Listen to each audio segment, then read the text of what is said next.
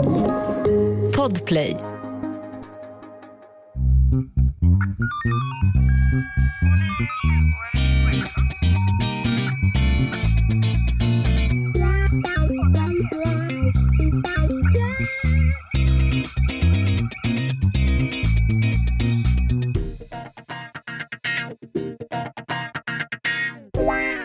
Välkomna till krimpoddarnas krimpodd Över min döda kropp.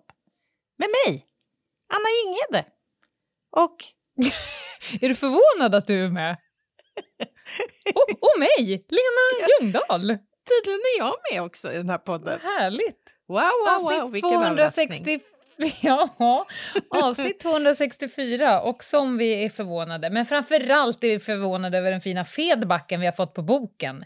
Kan Ja, vi men bara alltså, göra en liten inbromsning? människor är så ljuvliga. Det är, jag är liksom mållös. Jag vet inte Mm. ens hur man ska kunna tackla och ge uttryck för den tacksamhet man känner.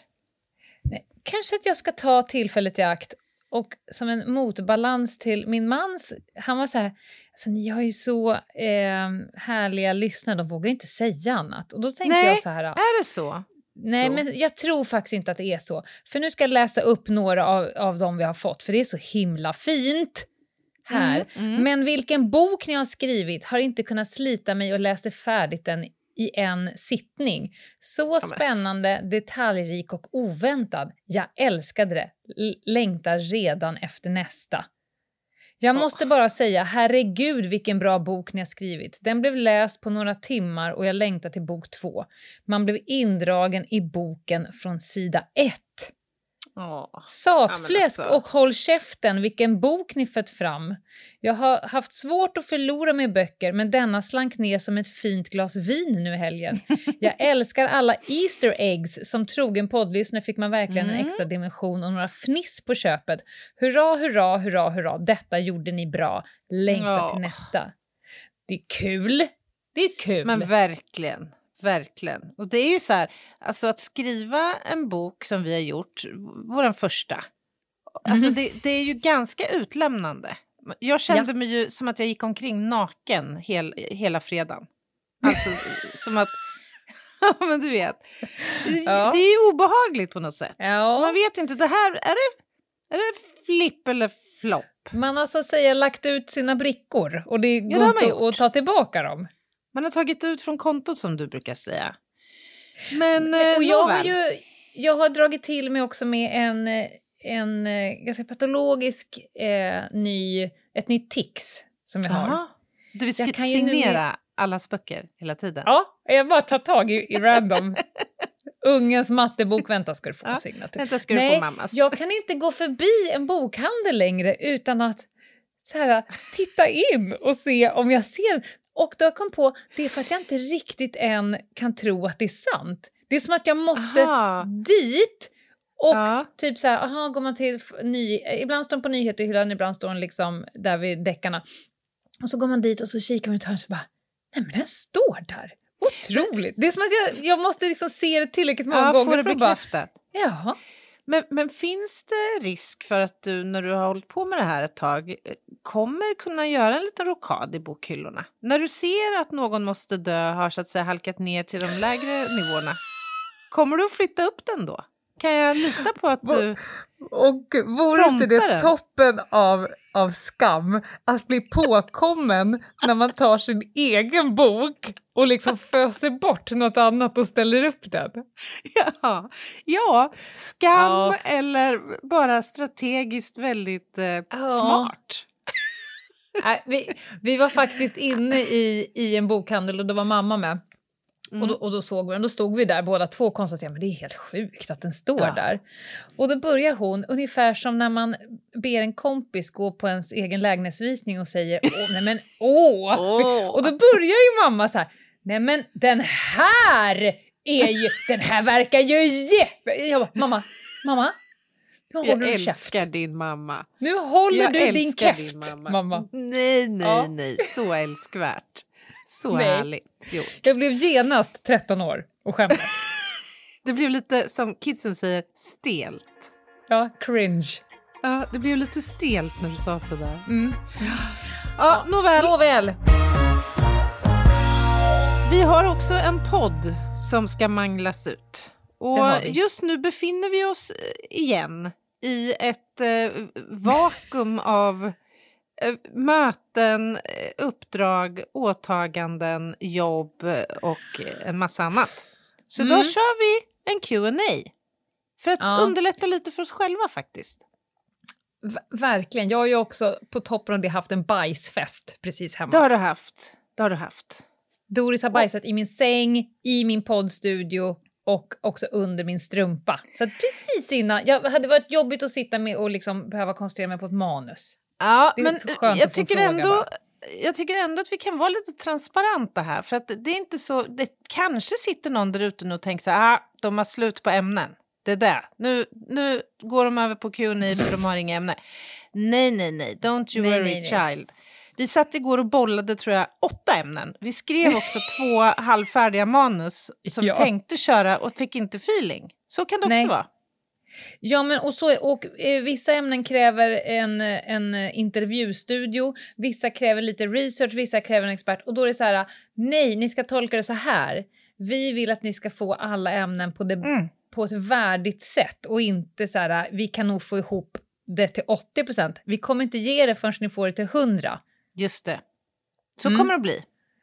Men idag så blir det frågor och svar och när man bara snabbsveper över det. Mm, och här, mm. Vi hade inget tema idag utan folk fick ställa alla de frågor som det hade eh, känsla och, och härligheter för.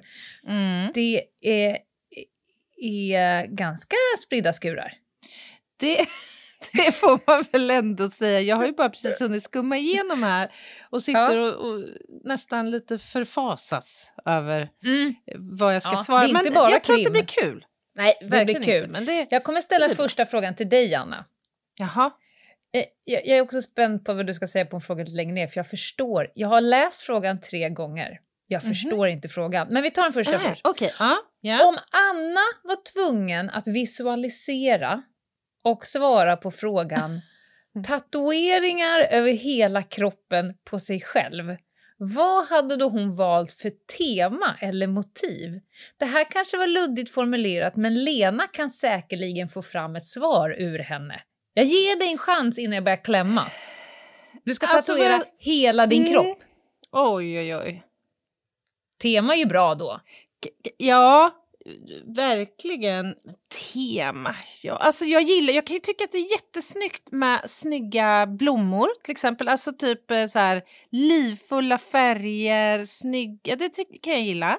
Mm. Men jag tror inte det är något... Jag, vad sägs om en jävla atlas på kroppen? Eller, eller kanske bara ska nöja mig med Närke i svinstort format. Där har vi det. Ja, då tror jag Fjugesta ligger någonstans strax söder om Malmö. Det Ja. låter som ett ställe som ska vara strax söder om Malmö. Fjugesta. Fjugesta. Vad händer i Jag Fjugesta? vet inte. Jag är inte mycket för massa quotes. Nej. Något enstaka kanske, men inte massa texter. Det, nej. blir lite mycket på hela kroppen kanske. Det Ja. blir som att du har, går runt med, gam, med vad heter det, lilla Just det. katekesen på kroppen. Precis som en nationalencyklopedi, hela jag själv.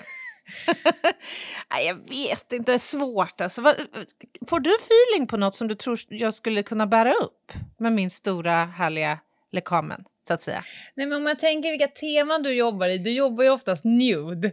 Och det blir ju Ja. så att säga lite fattigt på kroppen om du bara tatuerar dig i nudefärgade gaddningar. Ja, ja Eller det är blir det så- ju. Ja, Nej, men jag, jag tror väl att du skulle vara fin i en sommaräng. Ja, det är nog det som ändå liksom ligger närmast till hands. Ja. Sju Eller, sorters eller något du har nytta av, så du slipper släpa. Allt sånt där Ja. som du kan behöva ha nytta av.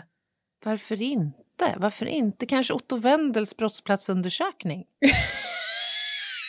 Boken alltså. Då måste du också ha en backspegel Ja, med dig ifall du ska ha den på just det. ryggen. Ja, det är sant. Det är sant. Men Ja. är du, när vi ändå är på temat, är du klar Mm. med ditt... Eh, nej, det, kan- det kan jag absolut inte tänka mig att jag är. Nej. Men jag tatuerar mig inte för så här, åh, nu måste jag tatuera mig, utan det är väl om det är något särskilt som jag har som så att säga pockar på. Mm, Eh, nu mm. har jag ju också tatueringsförbud på vänster sida. Eh, av olika anledningar, vilket gör att det blir lite begränsat med plats. Mm, Och jag är inte mm. så mycket för att tatuera ställen som jag själv inte kan se, för då kan jag inte Nej. njuta av mina tatueringar. Så att, men nej, det kommer ske igen, men jag vet inte vad. Och Nej. eh, sådär. Men rätt vad det händer det. Jag, kanske li- jag lajvade ju sist jag var där. Jag kanske Just gör det igen. Men du har inget in mind just nu i alla fall. Absolut Okej. inte. Eh, Då kan jag dundra på med nästa Mm. fråga. Gör det. Jag, jag ger er makten att införa varsin lag som börjar gälla här och nu. Vad blir det för någon? Oj. Det är den vi brukar ställa ibland till de vi intervjuar i, i Eh, om jag skulle vara lite skämtsamt och på temat rövhatt, jag skulle vilja att eh, trycka på knappstolpen var ström, så att säga. En antitrycklag. Exakt, en antitrycklag skulle vara finemang. Eh, kanske att man skulle få införa en lag att, och, och den passar faktiskt ihop, jag tar den, för att den passar ihop med en annan fråga vi har fått som, som skrev någonting om att det är liksom eh, olagligt alla eh, dagar per år att hålla på och sätta upp sak, skyltar och så överallt. Okynnesskyltar, för det kan vara lite trafikfarligt och så. Men just Mm. runt valtider, nej men då ska hela stan tapetseras. Kanske en, en lag mot, mot tapetsering av valaffischer för att de är så in i helvetes dumma. Jag utgår från att det torde vara möjligt att lagföra på nedskräpning efter valet. Ja, För jag har svårt att tro att de kommer gå ut och hämta in sina plakat på valnatten. det kommer de nog inte. Det kommer nog gå från statskassan. Men Ja. annars så skulle jag, om jag ska vara lite mer seriös, så skulle jag faktiskt vilja få in lite mer tvingande eh, eh, paragrafer i skollagen som tvingar eh, skolledningar att lyfta på frågor som kan eh, verka på ett positivt sätt för barn och ungdomars säkerhet och trygghet i skolan. Så det inte är så jävla Mm. optional. Bra val. Tackar, tackar. Du då? Jag, ja, men jag väljer en skyddslagstiftning för gamla och eh, människor med nedsatt autonomi. Människor som Mm. inte själva kan påkalla ett behov av hjälp om man utsätts för våld eller missförhållanden. Utan Mm. där eh, verksamheter kan eh, utifrån ett presumtivt antagande om att någon far illa göra en anmälan, bryta sin sekretess och göra en anmälan om till exempel eh, missförhållanden eller eh, misshandel eller Mm. sexuellt våld eller någonting annat. Och då gjorde vi det igen. Vi värnar om de svaga, de gamla Ja, och våra barn. det måste vi göra. Och sen så vill jag också införa dödsstraff. Jaha? Nej. Lite, Nej. För dem, lite dödsstraff för de som inte är snälla mot djur. Ah, ja, ja okej. Mm. Jag fattar. Eh, då ska vi se här. Vilket livsråd, tips eller ord skulle ni vuxna ge varandra eh, till, ja, då, till er respektive sjuåringar? Alltså, då ska du ge ett Ja. råd till Lena, sju år. Så tolkar jag det. Jag har till varandra. Jag tänkte att jag hade Ja, velat säga till mig varandra. själv som, som sjuåring annars att det är inte ditt fel att du är så ful. Men du kan säga det till mig. Jag var inte så snygg. Jag tror du var jättesnygg. Nej men oj. ehm, kör bara kör. Kör bara kör. Nej, jag vet Ja. inte. Sjuåring, då, då kan man ju inte knyta skorna ens själv. Nej, jag hade nog tipsat dig att om du får chansen så snabbt du kan, byt ut din kropp till någon annans. Ja. För det kommer, din kropp, helvetet, kommer ställa till med mycket oreda framöver. Så om du får chansen, byt! På sikt kommer det där inte bli bra för dig. Nej. Nej. Åh, ja. Du pratade ju senast idag om att dina tår börjar rycka igen. Ja, precis. Det oroar mig lite grann faktiskt. En begynnande ischias nu inför Ja, bokmässan. nej, nej, nej, nej, nej, nej, nej, nej. Sluta jinxa det här nu. Ja, okej, okej, okej. Mm. Nej, men jag tycker det är svårt alltså. Vad fan. Det är så jävla snusförnuftigt att hålla på. Ja, Vad kan man säga till ungar? Snyt och skaffa ett jobb och var lite mindre dum i huvudet. Det kommer rätta till sig sen. ja, det är ändå ett åldersadekvat tips, tycker jag. det här är Ja. en sju, sjuåring. Ja, vi går vidare, hörru. Här kommer en som är... Här blir moral för hela slanten. Har du varit Mhm. inne på dumpen.se och Mm. tittat någon gång? Mm. Ja. Där hänger man ju ut sexförbrytare, människor som har bokat upp möten med barn och hoppas på att få våldta dem. Borde vi Mm. ha områden där sådana människor ska bo? Jag såg en dokumentär om ett sådant område i USA. De fick inte ens ha kort eller så på barn i huset, alltså där de bor. Jag hade så Mm. gärna velat veta, och sen kommer det, det är två som har ställt samma fråga. Jag hade så gärna velat veta hur denna fantastiska duo ställer sig till tilltag som Dumpen.se. Tillkommer denna typen av projekt till följd av dåliga lagar? Eller vad tycker ni? Vad behöver hända för att, man, för att projekt som Dumpen.se inte ska behövas i vårt samhälle? Alltså det här är ju tio frågor i, i Mm. en. Mm. Men, men ska vi börja prata lite grann om Dumpen då som företeelse? Alltså, Mm. om, om jag, jag kan börja, jag är ganska kluven till Dumpen som företeelse. Alltså jag kan tycka Mm. så här, visst, fine, om, om de här tilltagen har någon som helst avskräckande eller förebyggande effekt, ja, det är ju svårt att inte uppskatta det när det handlar om att barn riskerar fara väldigt, väldigt illa. Såklart Mm. Kan jag tycka Mm. det är bra. Men jag tycker samtidigt att det är lite oroväckande att man uppmuntrar och premierar eh, initiativ som ersätter liksom det rättsväsende och det system vi faktiskt har i grund och botten. Mm. Eh, och dessutom så finns det ett gäng etiska, sociala och moraliska aspekter i det som skulle ta 45 minuter att, att Mhm. utveckla. Men alltså det, det är liksom en dubbelbottnad historia, Mm. tycker jag. Jag håller med. Det- är inget nytt fenomen. Alltså jag, kommer, jag minns väl när jag precis hade börjat som polis. Det är 2002, jag jobbar i Skärholmen och då fanns det någon sajt, jag kommer inte ihåg vad den hette, men det var någon sån här pedo watchers Mm, eller något mm. liknande. Där de då la ut eh, väldigt noga eh, och det var, de var ju noga med att det skulle vara efter dom, så de la ut domslutet och la de upp en liten gärningsbeskrivning på vad personen har gjort. Den här personen har, inte vet jag, och det var inte bara pedofil, det var incest och allt möjligt. Den här personen har eh, våldtagit sina två barnbarn under åtta års tid, jadi jadi. Och så kommer domen som man alltid blev ju då, den slog ju an en sträng igen. För det var ju Mm. alltid inte alls eh, i paritet med gärningen, utan det var så här, personen fick eh, fängelse Mm. två år och hej och hå. Mm. Och då när man då har fått läsa det bestialiska och sen så läst domen så är alla då arga i affekt. Efter det så kom ju bild på personen, hemadress och Mm. telefonnummer. Och Mm. sen så sa de ju inget mer. De, de uppviglade inte någonting men det var ju liksom underförstått att Mm. den här måste, personen måste få ett större straff, ett grövre straff Just än det. det. som det här mesiga rättsväsendet klarar av. Mm. Eh, och det där sajten vet ju jag, och, det, och då fanns det också på en karta så man kunde liksom titta på sitt eget bostadsområde. Så kunde man då Mm. zooma ut och då såg man ju så här, ah, där bor en pedofil två hus ditåt, någon som har incestat sina Mm. barn dit och så vidare. Vilket gjorde att det vart ju lite så här kutym då man letade först lägenhet, så, ja men undrar om jag ska flytta till, jag hittar en fin lägenhet i, vad fan vet jag, Gröndal. Då tittar man Mm. bara, ah nej, där bor två våld. Och då kände jag så här, s- som då polis så vet man ju ändå ungefär var alla bor och det, eh, Ja. hjälp, det hjälper ju föga. Men, men den, och så försvann den här sajten och så, det har ju kommit och gått såna här sajter av tidigare och jag förstår ju varför, för att man hamnar Mm. i affekt och så. Nu så, och så, så vill ju folk att man ska swisha dem så att de kan fortsätta jaga de här. Det är lite som trolljägarna fast man jagar människor Mm. som vill våldta barn.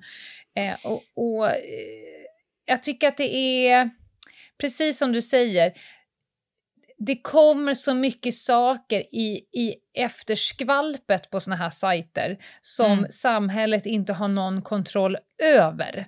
Eh, Precis. Och det är Och- inte heller liksom medborgares uppgift att liksom varken döma eller lagföra människor. nej, så att- men, nej. men jag kan förstå grejen och vill man få tag på människor som bokar möten med barn för att dra upp dem på ett hotellrum och våldta dem, ja det är såklart att man vill att de ska dras ut ur Mm. skuggorna. Men jag tror inte att det här är rätt väg att gå. Nej, jag är faktiskt inte heller så säker på det. Och dessutom, även om jag skulle få ett namn på en person, en dömd då, eh, alltså de allra flesta är ju inte pedofiler, vi kan ju börja där. Nej. De allra flesta som Mm. begår sexualbrott mot barn är inte pedofiler.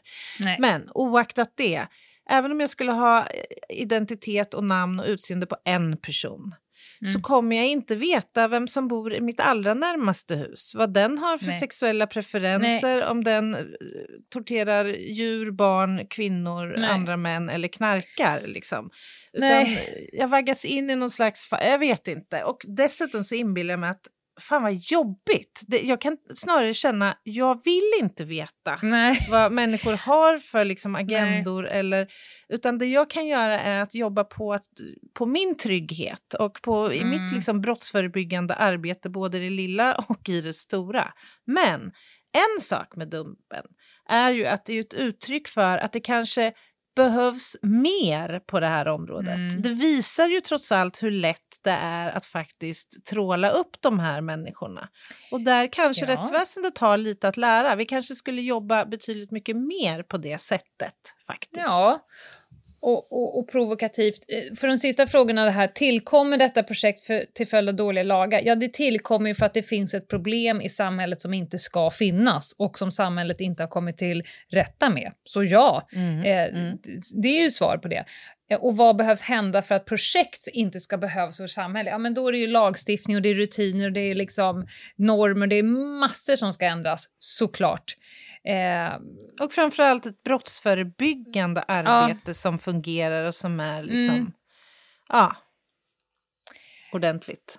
Och, och eh, så som vanligt så en tilltro till samhällets förmåga, den, den eh, förtjänas ju av de rättsskipande eh, Mm. instanserna och den tilltron behöver ju ökas genom att man löser mer sånt här. Mm.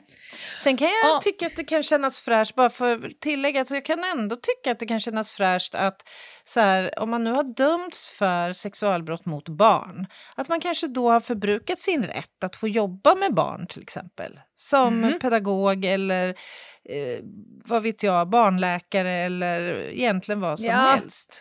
Ja. Eller om man har bragt någon annan om livet, att man kanske har förbrukat sin rätt att faktiskt få bli läkare då. Eller så här. Ja, jag, det kan jag kan tycka med. är ändå rimligt. Mm. Agree. Då tar vi nästa fråga. Mm. Några frågor som legat i bakhuvudet sedan jag hörde er prata om kannibalism. Aha. Hur är det med griftefriden om det handlar om donerade organ? Både gällande att någon stjäl ett donerat organ och äter det och att någon donerar, säg sin ena Nej. njure till någon annan att äta. Hur blir det med griftefriden när det gäller amputerade kroppsdelar? De destrueras väl som biologiskt avfall, då kan väl inte griftefriden gälla? Jag antar att stöld av en amputerad kroppsdel i syfte att äta den blir samma som om någon stjäl ett donerat organ gällande brottsrubricering. Ja, ni väcker märkliga frågor och samtalsämnen genom er podd. Ja, det kan man Det bara får man väl tillstå. konstatera. Jag vad börjar med, det, det här är frågor som har legat i bakhuvudet. Då Ja. känner man så här, äh, kanske att vi ska ha ett pluppsystem för folk som går och funderar på att äta upp njurar för varandra. Men by all means, låt oss svara. Kan vi svara? Ja, vi får försöka reda ut det här tror jag lite grann. Alltså, låt säga att jag har fått då en njure av dig. Ja. Eh, och sen så utsätts jag då... nej, nej, för att bruka. Ja, okej, just det. Ja, Ja. ja. Och sen kommer jag hamna i klorna nu på en kannibal Mm, som vill åt mina organ, bland annat den donerade njuren då. ja. Mm. Då skulle jag absolut eh, tänka att det blir, kan bli fråga om brott, eller att det är fråga om brott mot griftefriden. Alltså du har ju skänkt ditt organ till mig, den tillhör ju numera mig själv. Så det kan jag inte se att det skulle vara eh, några som helst... Eh, kon- ja, och om, om du i din tur skulle vilja ge bort din njure till någon för att äta den, Ja. Då skulle jag säga att rekvisiten för brott mot griftefrid inte är uppfylld för att ett, du är inte avliden så som jag utläser frågan. Och två, du har ju själv valt att ge bort ett organ Ja. till någon Ja. med ett avvikande kostbeteende. Mm, någon med högt proteinbehov. Och detsamma gäller en amputerad kroppsdel. Eh, Mm. I regel så sker ju en amputation eh, från en levande så att säga, individ. Och mycket riktigt så kommer den hanteras som biologiskt avfall. Eh, sen kan det säkert falla in kanske i någon annan brottsrubricering. Stöld eller... nej, jag tänkte det måste ju vara tillgreppsbrott till att börja ja, med. Ja, Stöld av en amputerad fot. men det beror ju på om foten så att säga förringar ett, ett värde. Men besittningsrätten har ju gått över. Ja, den är över. Ja. Nej, jag tror det där blir svårt att driva faktiskt. Ja. Och jag skulle säga att nej, griftefriden gäller inte där. Faktiskt. Nej, Har du något att invända i, i nej mitt jag brukar svara så här. Nej men, nej, men jag brukar ju svara så här att om det... Jag har ju många år jobbat lite gråzon därför att Mm. våra lagar är inte alltid svartvita och eh, det är inte alltid såklart varför i förarbetena vad man har tänkt. Och då har ju jag som en ganska offensiv förundersökningsledare sagt så här, men då får vi väl testa. Vi får ju testa Mm. gränsen då. Mm, Och, mm. och, och så. Här kanske jag inte vill svara det Nej. nej. som svar. Här ska du nog undvika, passa dig för det. Ja. Skulle jag rekommendera. Ja. Verkligen. Eh, vi tar en ny fråga. Vad anser ni om att kända brottslingar byter namn medan de sitter inne? Eh, medier brukar ju ändå efter ett tag säga Karl Karlsson som förut hette Anders Andersson Mm. har nu sökt om att få resning i sitt fall och så vidare. Så namnbytet hjälper ju inte, hjälper föga då antar jag. Eh, Ja, fast jag tror det gör det. Det är ju några få ultrakända brottslingar som kanske har misslyckats med namnbyten. Men, men för många som gör det så tror jag att det funkar ändå. Därför att det här första namnet man har gjort sig känd som, så att säga, det är det ändå Mm. människor förknippar med den personen. Och sen hör man ett annat namn i förbifarten så tror jag få lägger det på minnet egentligen. I alla fall om det är Mm. ett alldagligt namn. Och vad tycker vi om det? Jag, jag har full förståelse för att man vill göra det. Det är ju faktiskt så att det är inte alla brottslingar som kommer återfalla i brott, utan många kommer ju rätta upp sig och bör ges en möjlighet att liksom återgå till ett eh, liv i, och vistelse i samhället utan att kanske stämplas för resten av sitt liv för ett brott som man har begått men som man har avtjänat. Det är min ståndpunkt i Mm. det. jag har ingenting att lägga till. Nej. Jag har ingenting att lägga till Ja, men då kör vi nästa fråga. på. Ja, det tycker jag. Vad tycker Lena om de nya härliga brudarna som har tagit över Melodikrysset? Vad för frågor saknar du? Vad då brudar som har tagit över Melodikrysset? Alltså, eh, det- har ju bytts ut personal att, som håller i, i, ehm, i Melodikrysset. Personal! Personalen, Melodikrysspersonalen. som de heter. ja. Jag hade kanske sagt programledare eller något, men Och det är nu ju jag. är det bytt till Anna-Charlotta Gunnarsson och Annika Jankell. Och, men i mellanperioden, medan de hade semester, så var det en kille som jag tyckte var fantastiskt bra. Så jag tyckte det var lite synd att inte han som var sommarvikarie fick fortsätta. Och ni som Mhm. lyssnar nu undrar varför eh, om jag har doktorerat i Melodikrysset. Nej, det har jag inte. Men jag har löst Melodikrysset i 35 år varje lördag. Ja, Eh, och vi har det som en liten släktgrej. Vi gör mormor och syrran och Ja. syrrans barn och sådär. Men, eh, så jag... Jag har, ingen, jag har lyssnat en gång på brudarna nu, en gång vardera. Jag har ingen jättestark åsikt. De gjorde väldigt bra. Men jag tyckte han vikarien var härlig. Eh, vilka frågor saknar du? Generellt så vill man ju ha mycket Lennart Palm från Lerum. Ja, det är kul. Och sen kommer det ju alltid någon låt på, på finska. Det, den kan, tycker jag, de, jag, så här, kanske testa fler olika språk. Ja, ja, ja. Ja. I övrigt så saknar jag ingenting. Det, ma- Nej. med Melodikrysset så vill man ju så att säga bara få exakt det man förväntar sig. Just Det är det. själva grejen med Melodikrysset. Mm. Mm. Ja, ja, där ser Det är man. så mycket annat i livet som, som är, är, är chockat för en. Som är Låt oss- roligare ja, än Melodikrysset. Ja, det, det, Ja. Ja. Du har ju löst det med mig. Jag har suttit där och nynnat. Jo, jag har minsann plågats. Plågat Ja. mig igenom det där. Nej då, det kan vara trevligt. Absolut. Du, det verkar vara lite kulturtema här även på Aha. nästa fråga. Här är en Aha. person som har råkat köpa en premiärbiljett till Göteborgsoperans uppsättning av Hoffmans äventyr. Är, är det bekant för dig? Hoffmans Nej. äventyr? Nej. Och, och frågan är då, bör det kläddas upp lite extra? Jag har bara gått några, Mhm. några gånger på vanlig operaföreställning. Ja, ja. Ja, men det skulle jag vilja säga. Eh, att gå på opera, eh, det finns ju ett operabesöksklientel som alltid klär upp sig. Mm. Alltså, det, det finns en klick som alltid går på opera och de är alltid uppklädda. Och de, det är ju tanterna och gubbarna. Då har man en, ofta kostym och eh, tanterna har gärna en liten dräkt eller något sånt. Det, det är lite piffigt att gå på opera, vilket jag är gillar. Inte, är det inte också liksom tradition, eller vad ska jag säga, lite ungefär som att mm, om man går till kyrkan på söndagar så klär man upp sig? Ja, men lite alltså att så. det är lite så här, ja. Mm, Men, men det, det jag skulle säga att det finns en klick som alltid gör det, men framförallt premiären. Om jag skulle gå, jag har varit på ett par premiärer, eller på- var Mm. på La Traviata för ett tag sedan och så vidare.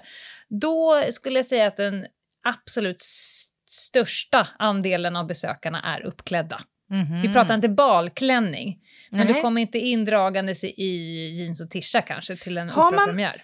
Har man sån där mask för ögonen? Sån där... Masquerade! Eh, nej, det har man inte. Men jag har en sån här teaterkikare som hon i Pretty Woman Oj. som jag har fått av Meta i födelsedagspresent. Gud vad Som man kan titta på. Nej men Ah. det... eh, Premiären, jag skulle säga ja. Klä upp dig lite, du kommer tycka att det är kul. Klä upp dig. Mm. Även nästa fråga är nog mer ställd till dig. Jaha. Får, får spanare lära sig att läsa på läpparna? Nej, I wish! Det hade ju varit perfekt. Om man kan lite Verkligen. på håll eh, se. Och jag kan tänka mig att det är faktiskt människor som är bättre eller sämre på det. Jag tror generellt att jag är rätt kass på det. Mm. Ja, nej, det ingår Nej. inte i någon form av spaningsutbildning. Uppfattat. Tyvärr. Och innan vi tar eh, nästa eh, spännande fråga så tar vi en liten paus. Ett poddtips från Podplay. I podden Något Kaiko garanterar östgötarna Brutti och jag, Davva, dig en stor dos skratt. Där följer jag pladask för köttätandet igen. Man är lite som en jävla vampyr. Man har fått lite blodsmak och då måste man ha mer. Udda spaningar, fängslande anekdoter och en och annan arg rant. Jag måste ha mitt kaffe på morgonen för annars är jag ingen trevlig människa. Då är du ingen trevlig människa, punkt. Något Kaiko, hör du på Podplay. Därför är gardinerna. Välkomna tillbaka! Det är Krimpoddarnas krimpodd Över min döda kropp och vi håller på med avsnitt 264 och det är frågestund idag. Och nu får du fråga nummer, eh, nummer nästa och det är vad blir det för datum på nästa livepodd, Anna Ingele? Oj, oj, oj. Ja, men det blir 15 maj 2023. Nej, jag skojar. Nej? Absolut inte! Nej, men, Datum? Nej, men det kan vi ju inte såklart eh, säga något. Men, men det vi, det borde, vi kan lova att det kommer att bli en framtida ny livepodd. Det kan vi lova. Men inte när. kan vi lova vilket år? Känns du att, känner du att det ligger, att du har det i dig för 2023? Eller kan vi lo- för blir det inte 2023 då kommer det garanterat bli 2024. Kan vi inte Mm. säga så? Absolut. Det, Men det har du i dig? intervall. Om du, om du tänker att du ska klämma ur i bok två nu och den ska vara Mm. klar om senast ett år. Men jag tänker så här att fram till nästa sommar så kommer vi ha eh, ganska mycket att göra med bok två. Mm. Och då, det vore inte schysst varken för våra härliga poddlyssnare eller Nej. oss själva att liksom klämma in en livepodd. Så absolut tidigast höst 2023 skulle jag säga. Annars Mm. vår 2024 tycker jag låter Ja, rimligt härligt. just nu. Så svaret på din fråga är i april 2024. Ja, Och händer det innan dess så kommer du bara få det som en, en rolig liten sån här apris. Present. Present. Present. Borde inte straffet bli strängare om den anklagade försvårar utredningen, typ ljuger i förhör? Alltså, Det det, här- ja. finns ju, ja, det finns ju en hel knippe med brott som det kan bli om man inte beter sig i förhör och så vidare. Vi har ju mened, till exempel om du ljuger, om du vittnar under ed. Vi har falsk tillvitelse. Vi har osann parts... Eh, utsaga. Vi har förtal, alltså om du sitter och ljuger i förhör som skickar någon annan under bussen. Så vi har ju ett gäng brott som handlar om att du ljuger eh, eller förvanskar eh, sanningen. Ja, alltså glöm inte bort straffskärpningen för eh, griftefridsbrottet till exempel. Exakt! Det är och ju det är faktiskt ju ett färskt exempel. Ja. Ja, men vi har också en stark rättsprincip i Sverige som säger att om du är misstänkt för ett brott, då kan inte staten så att säga hälla i dig sanningsserum och så måste du erkänna, utan du har eh, långtgående rättigheter att försvara dig genom att både ljuga och vara tyst och obstruera i all oändlighet nästan. Men med det sagt då så finns det x antal brott som det kan bli om du eh, inte navigerar rätt i dina lögner. Bra svar. Jag såg eh, Uppdrag granskning häromveckan och Mm. kände då, jag började fundera lite grann på det här. Det handlade om eh, skjutningarna och hur Mhm. otroligt få, om ens någon fällande dom som vi har i Sverige på i indiciemål. Och då ska sägas, man gick igenom ett flertal av det här. Det var visserligen eh, indiciemål i meningen att vi hade inte kunnat säkra bevisning, om vi pratar tekniskt nu i det här fallet, det. eh, som kan påvisa liksom, när, vem som sköt eh, vid liksom, den aktuella tidpunkten. Mm, mm. Men det finns misstänks DNA på vapnet, det finns målsägarens blod på jackan, det finns övervakningsfilm som plockar upp den misstänkta. Ja, men det fanns liksom ändå en hel händelsekedja styrkt eh, med indicier. Eh, eller styrkt så kanske man inte kan säga, men st- som stöttas av indicier. Ja. Eh, och då förstod jag av det här att man har satt i system att svara inga kommentarer under en Ja. hel förundersökning. Inga kommentarer. Korrekt. Inga kommentarer.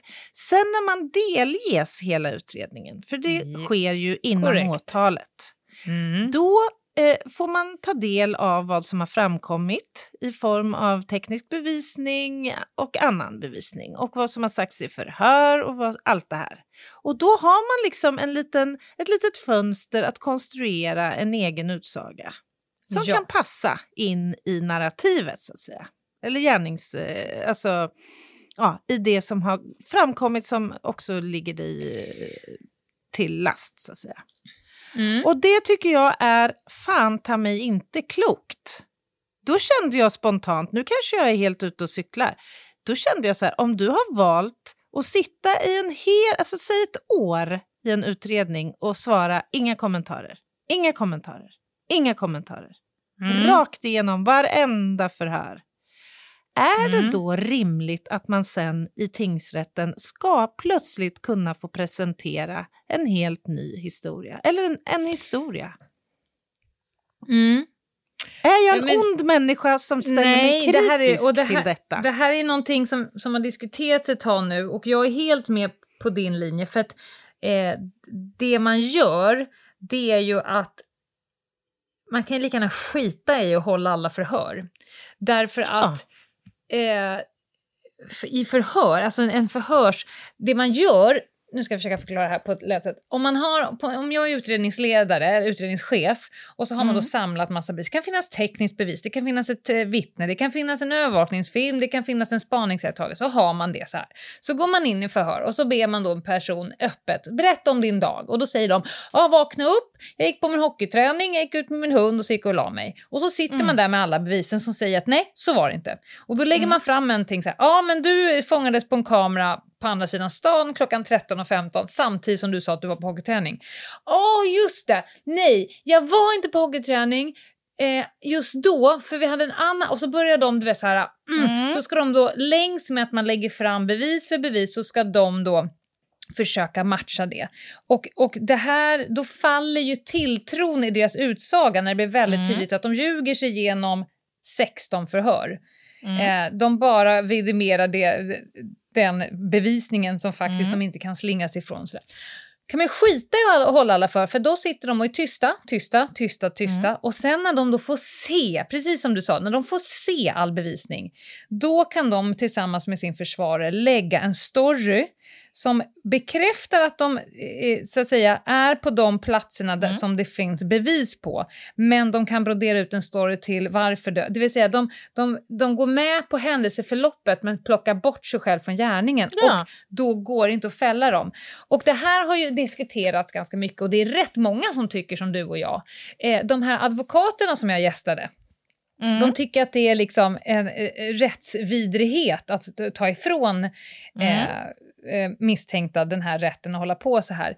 Men det undergräver ju ett helt rättssystem. Framförallt så Mm. kostar det samhället djävulsk massa pengar och sitta och hålla förhör med människor som säger goddag Mm. yxskaft. Vecka ut och vecka in Mm. bara för att vänta på att få se bevisen som jag sen då ska säga ja, ja, alltså det var DNA på insidan av, av väskan. Mm. Nej, men det var för att... Och sen har de då suttit på kammaren. Och det här tycker Ja, men- jag är lite av ett hån mot Ja, rättsväsendet. det- för då det är är ditt hån. jobb helt meningslöst, Anna. Ja, och dessutom, alltså, de presenterade ju domskäl då, några exempel på. Och Då, då kunde det stå så här att den eh, historia eller redogörelse som den tilltalade X har framlagt eh, är inte trovärdig, men Nej. kan inte lämnas helt utan beaktande. Nej. Och, så det är liksom, ja, Men då är det ju det är en kombination, tycker jag, av att man har gett dem eh, möjligheten att göra så och att svensk rättsväsendet, för att bli dömd så ska man nå upp i ställt utom allt rimligt tvivel. Och vi Mm. har ju sagt tidigare, du och jag tycker samma här, vi har ju, det har ju blivit gott så att säga inflation. Det, nu har man, för att bli dömd så måste du inte bara, det ska inte vara ställt utom allt rimligt tvivel utan du ska vara, vara ställt utom Ska- allt tvivel. ja. Allt tvivel räknas. Det känns som att ordet rimligt har man tappat bort. Det är inte Mm. ett rimligt tvivel, utan det är har du någonting som vi kan tvivla på så kommer du inte heller bli Mm. fälld. Och det är ett problem. Det är ett problem. Där fick ni lite bonus. Yes. Jag tycker vi tar den här. En snabb fråga som kräver ett eh, mycket snabbt svar. En Mhm. eh, anti-bucket list. Saker ni har gjort, men som var onödiga. För vem? Ja, men som kändes, som, som man kanske trodde att man var tvungen att göra innan man dör för att det är en sån super Mhm. eh, speciell grej, men som visade sig sen vara helt, eller helt, Jag men som kan, kanske jag inte var. kan komma på en, en, en, en handfull relationer som var helt onödiga. Ja, men har de stått på din bucket list verkligen? Nej men en anti-bucket list. Ja, ja. Jag tolkar inte så att jag har Nej. stått på bucket list, att jag gör bara saker, utan det finns en anti-bucket list för mig är, har du gjort saker som du inte var särskilt nödvändigt? Ja, en hel knippe relationer. Ja. Ja, ja, ja, men i så Visar fall, sig det kan jag skriva inte vara- på. Men om det finns någon så här, jag har ju hoppat fallskärm, det Ja. var tämligen meningslöst. Ja, Jag har åkt luftballong och frysit stjärten av mig på hög höjd. Det var också ganska en, en utdragen historia Ja. och ganska meningslös faktiskt. Å andra sidan, om man ska summera sitt liv, om man skulle ta bort alla grejer man har gjort som inte gav liksom en djupare eller högre mening och som inte resulterar i någonting så här.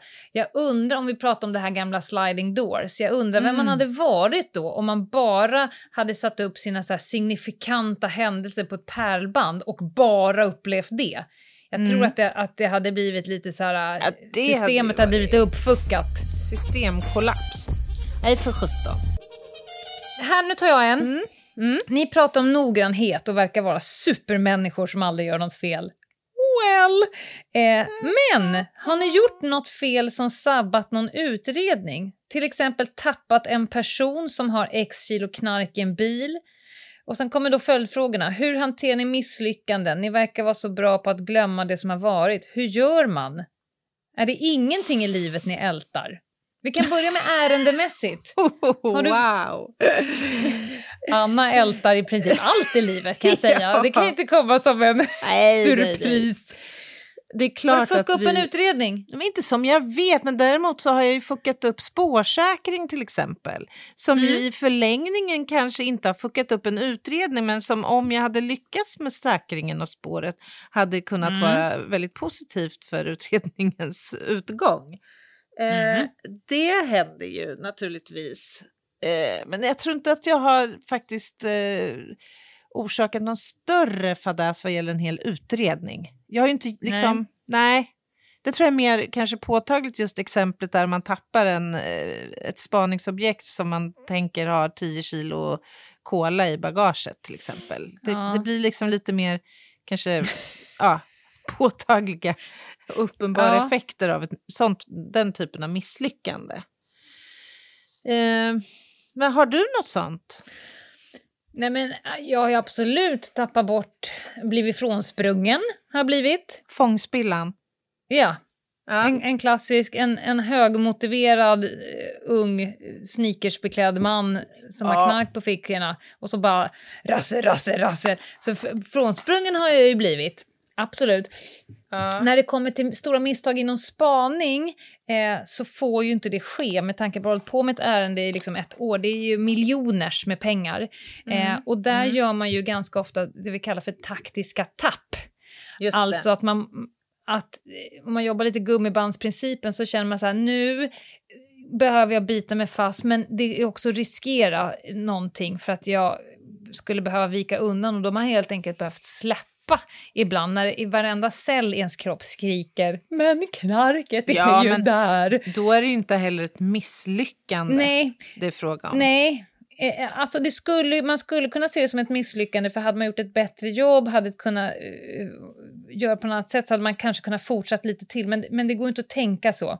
Men svaret är nej, jag har nog inte vad jag i alla fall har fått kvittens på. Det kanske man har utan att veta det, men jag har i alla Mm. fall inte fått kvittens på att jag har varit orsak till att ett ärende har så att säga skitit sig. Det hade jag, Just det. apropå det här med frågan älta, det hade jag mått skitdåligt över. Jag också. Verkligen. Det Verkligen. hade jag varit jättedålig på att hantera. Mm. Och hur Men- hanterar vi misslyckanden då? För, för egen Mm. del så måste jag säga att jag har blivit mycket bättre med stigande Mm. ålder att hantera misslyckanden. eh, Anna Jinghede för 15 år sedan bröt ju ihop vid varje minsta misslyckande alldeles oavsett Mm. det skedde i min privata sfär eller i min jobbsfär. God. Eh, jag har liksom fått, ja men jag har ju varit väldigt dömande. Ja, men du är en prestationsknarkare. Ja, ja men Ja. så är det. Och det kan Mm. fortfarande vara jättejobbigt när jag känner att jag inte har levererat som jag borde eller att jag liksom tillskriver mig själv kanske misslyckanden som egentligen inte alltid är det ens. Nej. Det, det händer faktiskt. Men jag har blivit mycket chillare. Eh, Och faktiskt i stor del tack vare dig Ljungdahl. Du har fått mig liksom Mhm. att få lite mer balans i de där tankarna. Att så här, zooma ut lite. Så här, Mm. Titta på saken från det här perspektivet. Var det så jävla illa? Nej, det var det faktiskt inte. Och vad, vad kommer nej. det här resultera i? Inte ett dugg, mer än att jag går och mår dåligt över någonting som är helt onödigt. Det var ju ett exempel för inte så länge sedan så mässar Anna mig. Nu ska jag inte säga vad du hade gjort, men du mässar mig som att åh nej, shit jag gjorde det här. Alltså någonting i vårt gemensamma företagande. Ja. Eh, ah, fan det blev fel och, och gud och jag, jag ska ersätta dig och bla bla bla. Och då när jag får det så läser jag så, så svarar jag dig helt sanningsenligt. Aha, ja, det har jag nog gjort senast fem gånger senaste månaden. Jag har inte ens tänkt på att det var en grej. Ja, Det är liksom-. Ja, det är ju Ja. så signifikant för dig och Mm. mig. Då blir du så här, åh nej, vad har jag gjort? Jag måste berätta. Och, så här. och jag har också gjort det fler gånger och jag har inte ens tänkt på att det skulle vara en issue. Nej. Men det är ett bra exempel på hur Ja. du har hjälpt mig i den issuen Ja. som ju har förföljt mig hela mitt liv i princip. Chilla Gunilla. Ja, Ish. exakt. Men, men, och för att inte låta som en person som ingenting bekommer, jag kan absolut må dåligt över ett underpresterande och det kan vara att jag när jag går och lägger mig på kvällen känner fy fan vad jag har varit en trist morsa ikväll. Mm, Du vet när man mm. har varit sur, eh, snarstucken, eh, när, jag, när jag känner hur oskön man har varit på grund av Mm. någonting som inte alls har med barnet att göra. Mm. Eller... eh, Ja, och då Fast kan jag bara säga, också- nej. Jag Du skulle- kan, ja. du kan bättre, Lena, Mm. kan jag säga till Mm. mig själv. Men jag är också jätteduktig på att släppa det efter jag har uttalat den meningen. Exakt. Så jag är mycket bättre att släppa och säga så här, ja, men det vore väl fan om du var bra morsa varje kväll. Alltså jag är lätt att liksom, eh, därför att det hjälper inte Ja. mig att må dåligt resten av den Men- kvällen. Men du är ju också ödmjukt duktig på att ställa till rätta i meningen att också så här, fan, igår var jag inte i min bästa form. Sorry, vi går vidare. Ja, liksom. Tack och förlåt. Så. Att du signalerar att det har jag också reflekterat över och kände. Ja. Så att, ja. En, jag kan ta en, en fråga här kopplat till PDV. Jag fick, Ja. Vad säger du om alla varningsapparna? Eh, jag satt idag och reviderade en sån här handlingsplan för en kommun som vill ha hjälp och den var jättekonstig. Men Mhm. älskvärt att de faktiskt begär hjälp av någon som kan, så kudos. M- Men det är väldigt många kommuner, tycker jag nu, som börjar köpa in såna här varningsappar. En, en app Berätta som om ska dem. säga, Ja. Ja, och det är ju, det, det, det sprungar ur att eh, man känner så här, om någonting händer, det flyger A på vår skola eller sjukhus eller vad det nu är, hur ska vi kunna Mm. larma eh, gympasalen, matsalen, så. Det är en känsla av att vi behöver kunna alarmera för alla vad de ska Mm. göra. Och den känslan förstår man ju. Och det finns ju en vits Mm. i det. Alltså, ju fler Mm. personer som ju tidigare som möjligt får reda på att det är liksom dags att börja jobba, desto bättre. Men det finns så mycket dåligt med det här. Så att jag tycker att man verkligen ska tänka till innan man in, eh, förskaffar de här apparna. Ett, vi säger på en gång om du har satt dig i säkerhet eller om någon annan har lyckats sätta sig i säkerhet så att man ska fimpa mobilen det första som händer för att den inte ska ligga och tjuta och avslöja ditt gömställe. Två, vi är så uppsnurrade i hjärnan att tekniken ska hjälpa oss. Så att om du står och håller en lektion och din amygdala i, i liksom nära samarbete med dina varningssystem reagerar på något ljud och så vidare. Har du då satt i system att det är den här appjäveln, det är telefonen som ska tala om för dig om någonting farligt håller på att hända, så tror jag att det kommer ta några extra onödiga sekunder. Mhm. Istället för att du aktivt söker information, vad var det där för ljud? Jag måste gå och kolla. Mm. Så tittar du ner på en jävla telefon som då ska bekräfta Mm, det du mm. redan har hört. Och om den då är tyst så tror jag att fler personer under längre tid kommer stå still och vänta på att den här telefonen ska tala om för dig Mm. vad du ska och när du ska. Tycker inte det är bra. Det blir som en Nej. falsk trygghet. Ehm, så, så jag tror att man ska tänka till. Det kan, vara kom, det kan vara en komplettering, men det är väldigt många skolor nu som har köpt app, eh, bytt inpasseringssystem och så vidare. Och sen köper de utbildning och sen så när de då har lärt sig hur ett händelseförlopp funkar och hur gärningsmännen tänker så säger de till mig så här, men det här kommer inte hjälpa oss. Nej, jag vet, Mm. sa jag. Ni börjar med att köpa er fria, ni köpte Mm. trygghet på burk och sen skaffar ni kunskap så inser att det är inte det där som kommer hjälpa oss. Eh, så att jag är eh, 90% skeptisk, 10% förstår jag eh, Mm. varför man vill varna ut. Men också är det livsfarligt att tala om för folk via app vad de ska göra. Mm. Därför att hela grejen med PDV är, det kan bara du själv avgöra. Om du ska fly in, ut, upp, ner, kasta in på toa, ta upp en brandsläckare. Säg en app så här, nu är det dags att inrymma. Det Mm. kanske är det sämsta. Och den som trycker på larmknappen kommer inte veta om du ska fly in, ut, upp och ner, om det är en bomb, kniv, det. vapen. Så att, nja, nej. Nej. Bra svar. Ska vi ta en sista fråga? För Ja. sen vill jag faktiskt höra en jätte, jätteviktig lista. Och då har vi ju ett gäng frågor kvar till nästa gång vi inte hinner göra någon manus. Ja. Jag tar den här som sista. Ni har ju båda li- blivit lite av offentliga personer i och med poddens framgång. Boken, live-turnén och allt annat fenomenalt ni har gjort. Tackar, tackar. Kanske närmar ni er kändisar, inte bara för oss lyssnare.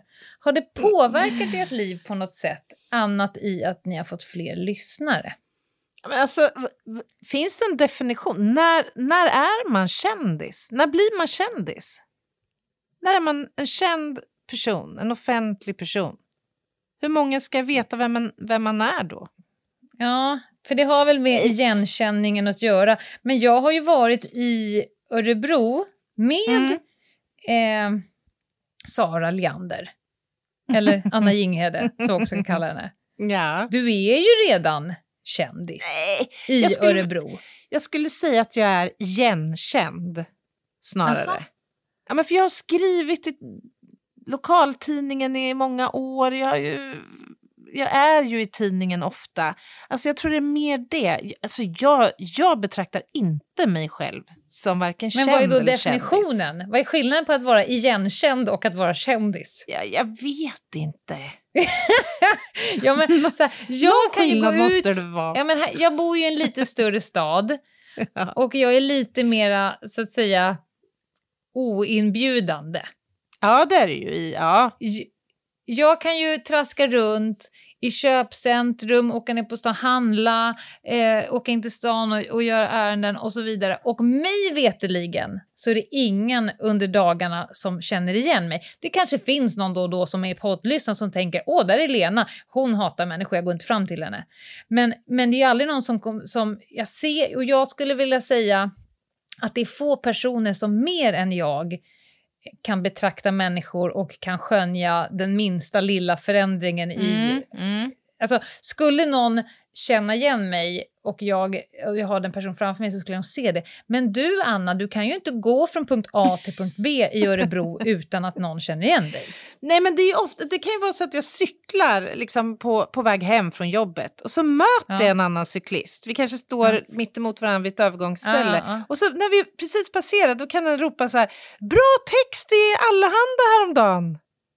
Alltså det kan ju vara så typ. Då är det du ju mer redan så här, där. Nej, men då är det ju mer så här, ja men henne känner jag igen, hon är på, vi ser henne på bild varje gång hon skriver något eller eh, ja, Mhm. så. mer. Jag, jag betraktar det mer som att så här, man, nej jag vet inte, nej men kändis Nu, men men motfrågan, har det här påverkat ditt liv på något sätt?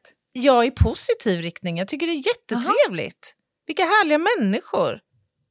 Ja, För jag jag kom aldrig... nämligen på Ja. Jag kom nämligen på, eh, för jag har inte reflekterat över att det skulle påverka mig på något sätt alls. Nej. Men, men i häromdagen så kom jag på det, för då var jag, då hade jag vaknat på morgonen, jag var osminkad och ful, eh, håret på ända, kasta på mig mina mjukiskläder och sen skulle jag åka ner till det lokala centrumet och köpa ingredienser för mitt barn ville ha Men det skulle jag aldrig göra. Nej, jag vet. Men jag skiter i vilket. Och jag gör ju verkligen det. ja, jag ja. skiter ju i vilket. Du, du kommer ju ner liksom snofsad när bara du och jag är på en öde ö. Då kommer ju du ner och jag tänker, vad fan har jag missat? Ska vi på fest? Nej, men, och jag skiter i vilket. Men då, för första gången kom jag på så här. Jag vill inte... Jag vill verkligen inte att någon känner igen mig nu Nej, och kommer okej. fram till mig här i mitt sköraste, nyvaknaste. Mm. Och då tänkte jag så här, fan det här är ändå en baksida om man nu skulle bli mer offentlig. Alltså att Ja. det är en större andel ICA-besökare Mm. som känner igen en. Så kom jag på så här, fan det är inte kul. Nej, det är inte kul Det, det alls. hade inte varit en... Det, det är en bieffekt som jag tar, för jag älskar vår podd, jag älskar boken, jag skulle vilja att den får superspridning. Jag, vi Mm. tackar ju glatt ja till alla tv-frontärer och så vidare. Men det är när jag själv får välja. När jag inte Mm, får välja mm. att nu ställer jag ner skåpet, nu vill jag vara publika Lena en stund. All annan tid så Mm. skulle det passa mig utmärkt om ingen någonsin kände igen mig. När Det jag är i låter- min privata sfär. Ja, jag tycker det låter helt sunt. Helt Ja, sunt. okej. Och jag tror jag Bra, skulle vi känna samma sak. Mm. Mm. Men nu. Anna, så ska vi knyta ihop det här. Tack för era frågor, kära lyssnare. Vi har flera som vi inte har eh, hunnit svara på. Eh, och de tar vi till nästa gång det skiter sig. Och då har ni också chansen att ställa fler. Och oftast så har ni den chansen i en fanclub som vi har på, eh, eh, inte vi har, utan vi, vi är bara medlemmar. Men den heter Över min döda kropp eftersnack och diskussioner och den går att finna på Facebook och den Mm. modereras av fyra eh, damer där. Eh, ni följer oss på Ljungdahl och Ginghede på Instagram och vi ska på Bokmässan 21 till 25 september 22 till 25 Mm. och vi har Mm. ett digert schema. Och för er som är i Göteborg, kom gärna till Bokmässan för där är typ exempel på Anna och Lena väljer att vara offentliga, vi ställer ner jobbpjucken och då är vi beredda på all form av igenkänning och tätt tätt. Just det. Och det ska bara bli härligt. Nej, det vet jag fan. Men det är så att säga ta en för laget. Vi sätter in på kontot. Ja, det gör vi. Men nu. Anna Jinghede, så vill jag supersugen på att höra vad du har för eh, jätte, jätteviktig lista idag. Och den kommer här! Annas jätte, jätteviktiga lista. Ja, det är ju så här, hur sorgesamt det än är så har sommaren lidit mot sitt slut och det är dags. Tack gode. Det, nej, usch vad Nej, deprimerande. okej. Men det är en annan Mm. femma. Det är dags att summera sommaren. Eh, Och en sak som direkt kommer till mig när jag ska göra det, det är olika drinkar jag har druckit i sommar. Det har Jag varit... älskar det- allt med den här listan. Ja. Jag känner mig torr i strupen på en ja, gång. Håll i hatten. Det har varit gindrinkar, det är Campari och det är Aperol Spritzer och Bellinis. Och ska jag vara helt ärlig, Lena Ljungdahl, så har jag understundom känt att jag har nästan blivit lite blasé när jag har fått frågan. Vad önskas att dricka? Jaha. Ja, men alltså, or- ah, ta en Aperol då, det blir jättebra. Eh, så därför så tänkte jag idag eh, introducera dig och våra lyssnare till lite nya drinktips. Mm. Eh, Men, och så vi kan vidga våra vyer lite grann. Ja, jag tänker det. Ja. Ja. Jag tar fram penna och peppar. Peppar upp. Penna och pippar. Varsågod. Plats nummer fem. Ja. Vi ska prata lite grann om en dryck eh, som gärna inmundigas i Sydkorea. Tuna tears. Och det är precis eh, vad det låter. Alltså, det här handlar om att man tar då tonfiskens eh, ögon, eh, ögon. Alltså själva bull, bulberna, så att säga. Om du tänker, om du föreställer dig hur tonfisken ser ut. Som Ja. kan bli ganska stora. Det, ögonen eh, innehåller lite geléartad substans. Och det här kan man då processa tillsammans med sånt här risvin eller vad det heter. Mhm. Till en väldigt smarrig drink. Den är lite geléartad. Eh, men anses vara väldigt eh, trevlig. Och, och det här kan man finna då på olika typer av restauranger och sådär. Eh, och det här ska göra gott för dig, helt enkelt. Den smakar Mm. lite salt. Eh, och man Mm. rekommenderas att inte lukta på den innan man dricker den. Nu vill jag inte vara den som är den. Nej? Lite geléartad, Ja. lite grumlig, lite salt och Ja. lukta inte på den. Nej. Är du säker på att du pratar om tonfisks ögon? Ja, det, det är jag.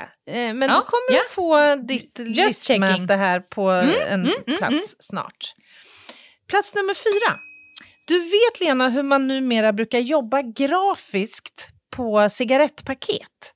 Man smackar Mm. upp. Jag stod och tittade på limporna på um, flygplatsen när jag flög från eh, London häromveckan. Mm, mm, Och mm. konstaterat, fan vad hardcore de är de här bilderna. Det är någon som ligger i respirator, det är någon som Ja, visar upp de, ett ja. helt Mm. så här, tandlossningsbett och så här.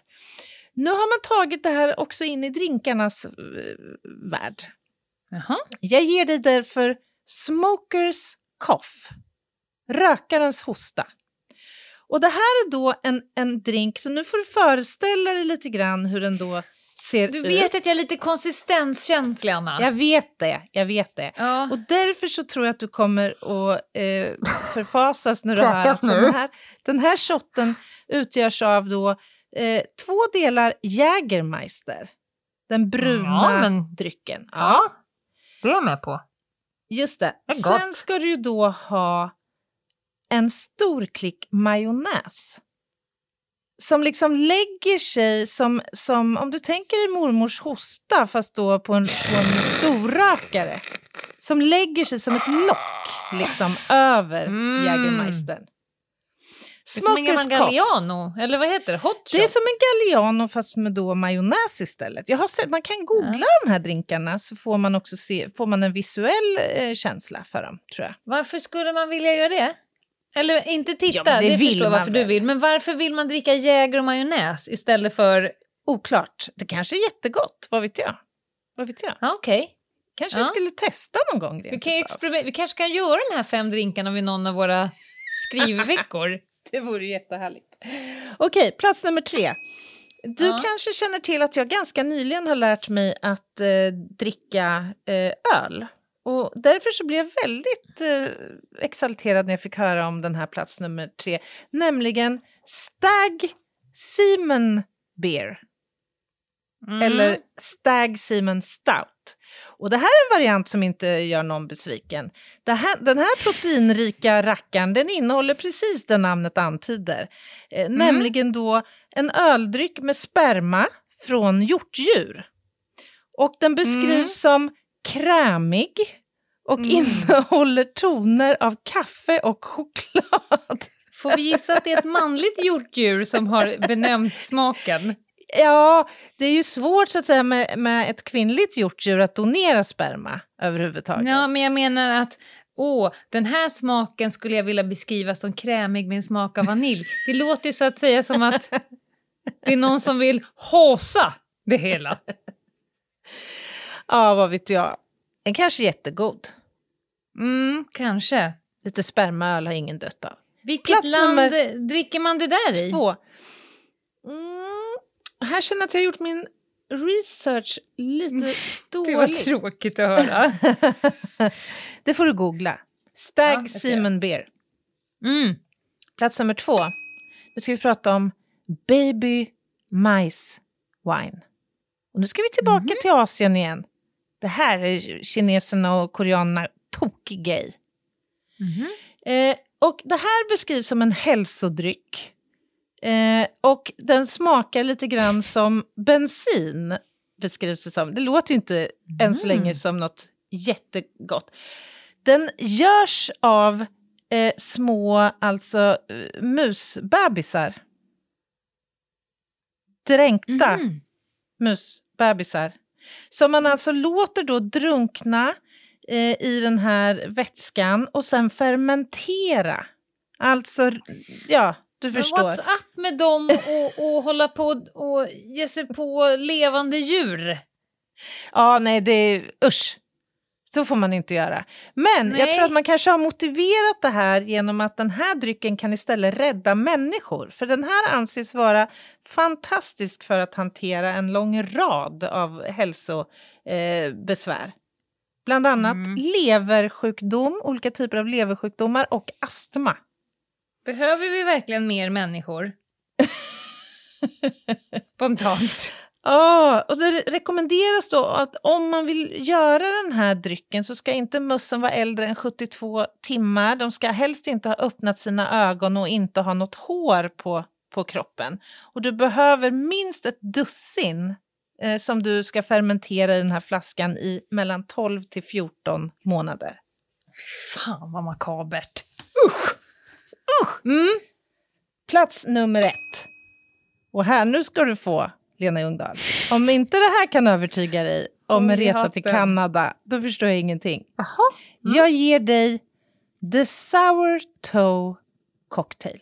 Nej, nej, det är så äckligt! Jo, jo, det här, det här, min Kanada! älskade vän. Ja, ja, det här är en dryck som har Gud. serverats under eh, flera, flera decennier. Ja. Det finns en The Sour Toe Cocktail Club som är en exklusiv, beskrivs det som, eh, bar som Våga kräver... googla! Ja, men googla för all del. The Sour Toe Cocktail.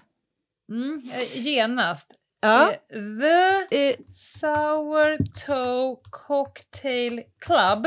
nej, det räcker med cocktail tror jag bara, så du liksom får se själva drinken. Nej! Nej! Du,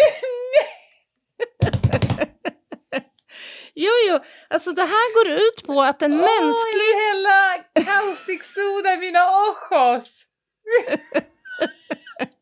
Det här handlar alltså om att en, en, en human mumifierad tå sänks Mm, Det- Jag ner i den här drinken.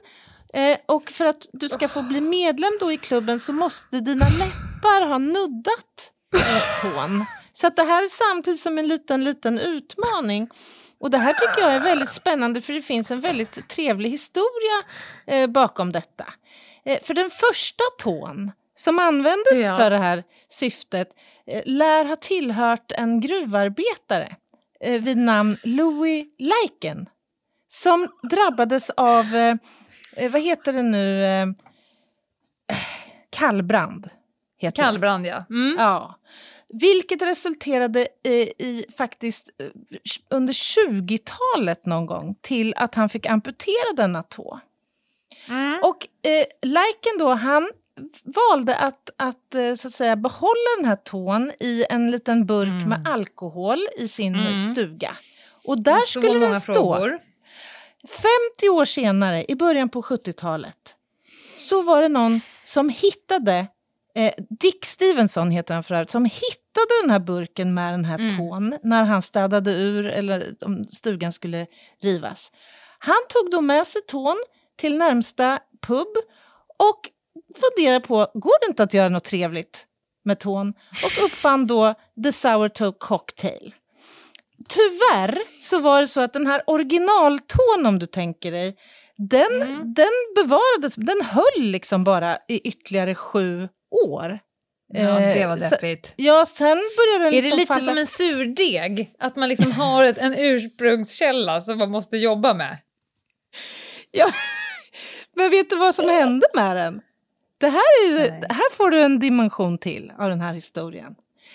Enligt då, eh, eh, historien här, så i juli 1980 så är det då en gäst som är på den här lilla salonen, Gary Younger. Och han skulle då testa att inmundiga surtå-cocktailen. När han hade druckit 13 glas av sourtoe champagne så tippade hans stol över på fyllan. Han ramlar bakåt och s- råkar svälja.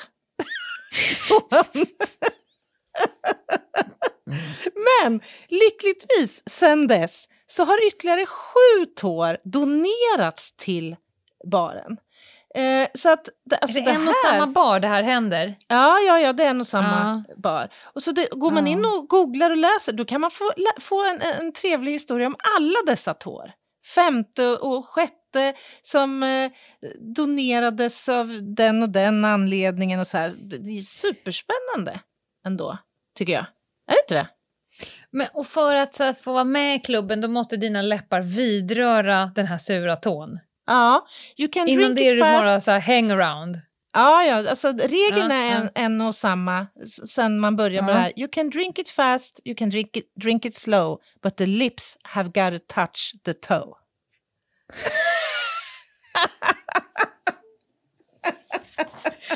Jag ska fan starta en egen klubb.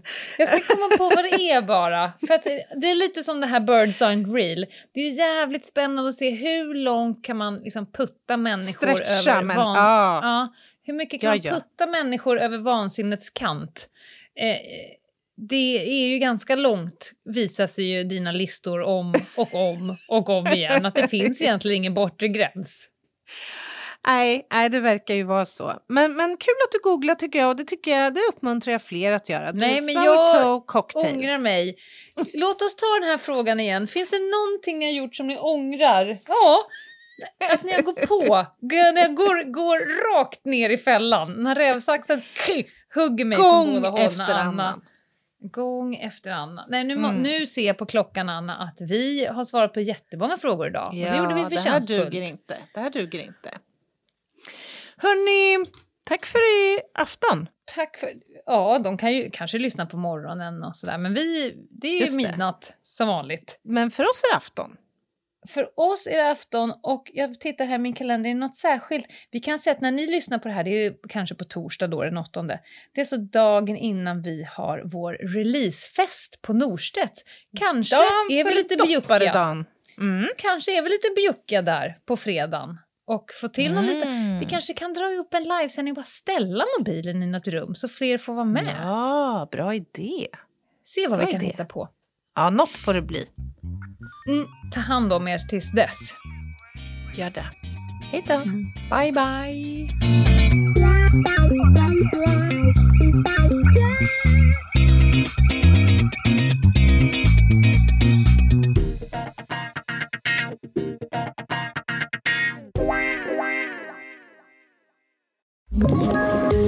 Poddtips från Podplay. I podden Något Kaiko garanterar östgötarna Brutti och jag, Davva, dig en stor dos skratt. Där följer jag pladask för köttätandet igen. Man är lite som en jävla vampyr. Man har fått lite blodsmak och då måste man ha mer. Udda spaningar, fängslande anekdoter och en och annan arg rant. Jag måste ha mitt kaffe på morgonen för annars är jag ingen trevlig människa. Då är du ingen trevlig människa, punkt. Något Kaiko, hör du på Podplay. Därför är gardinerna.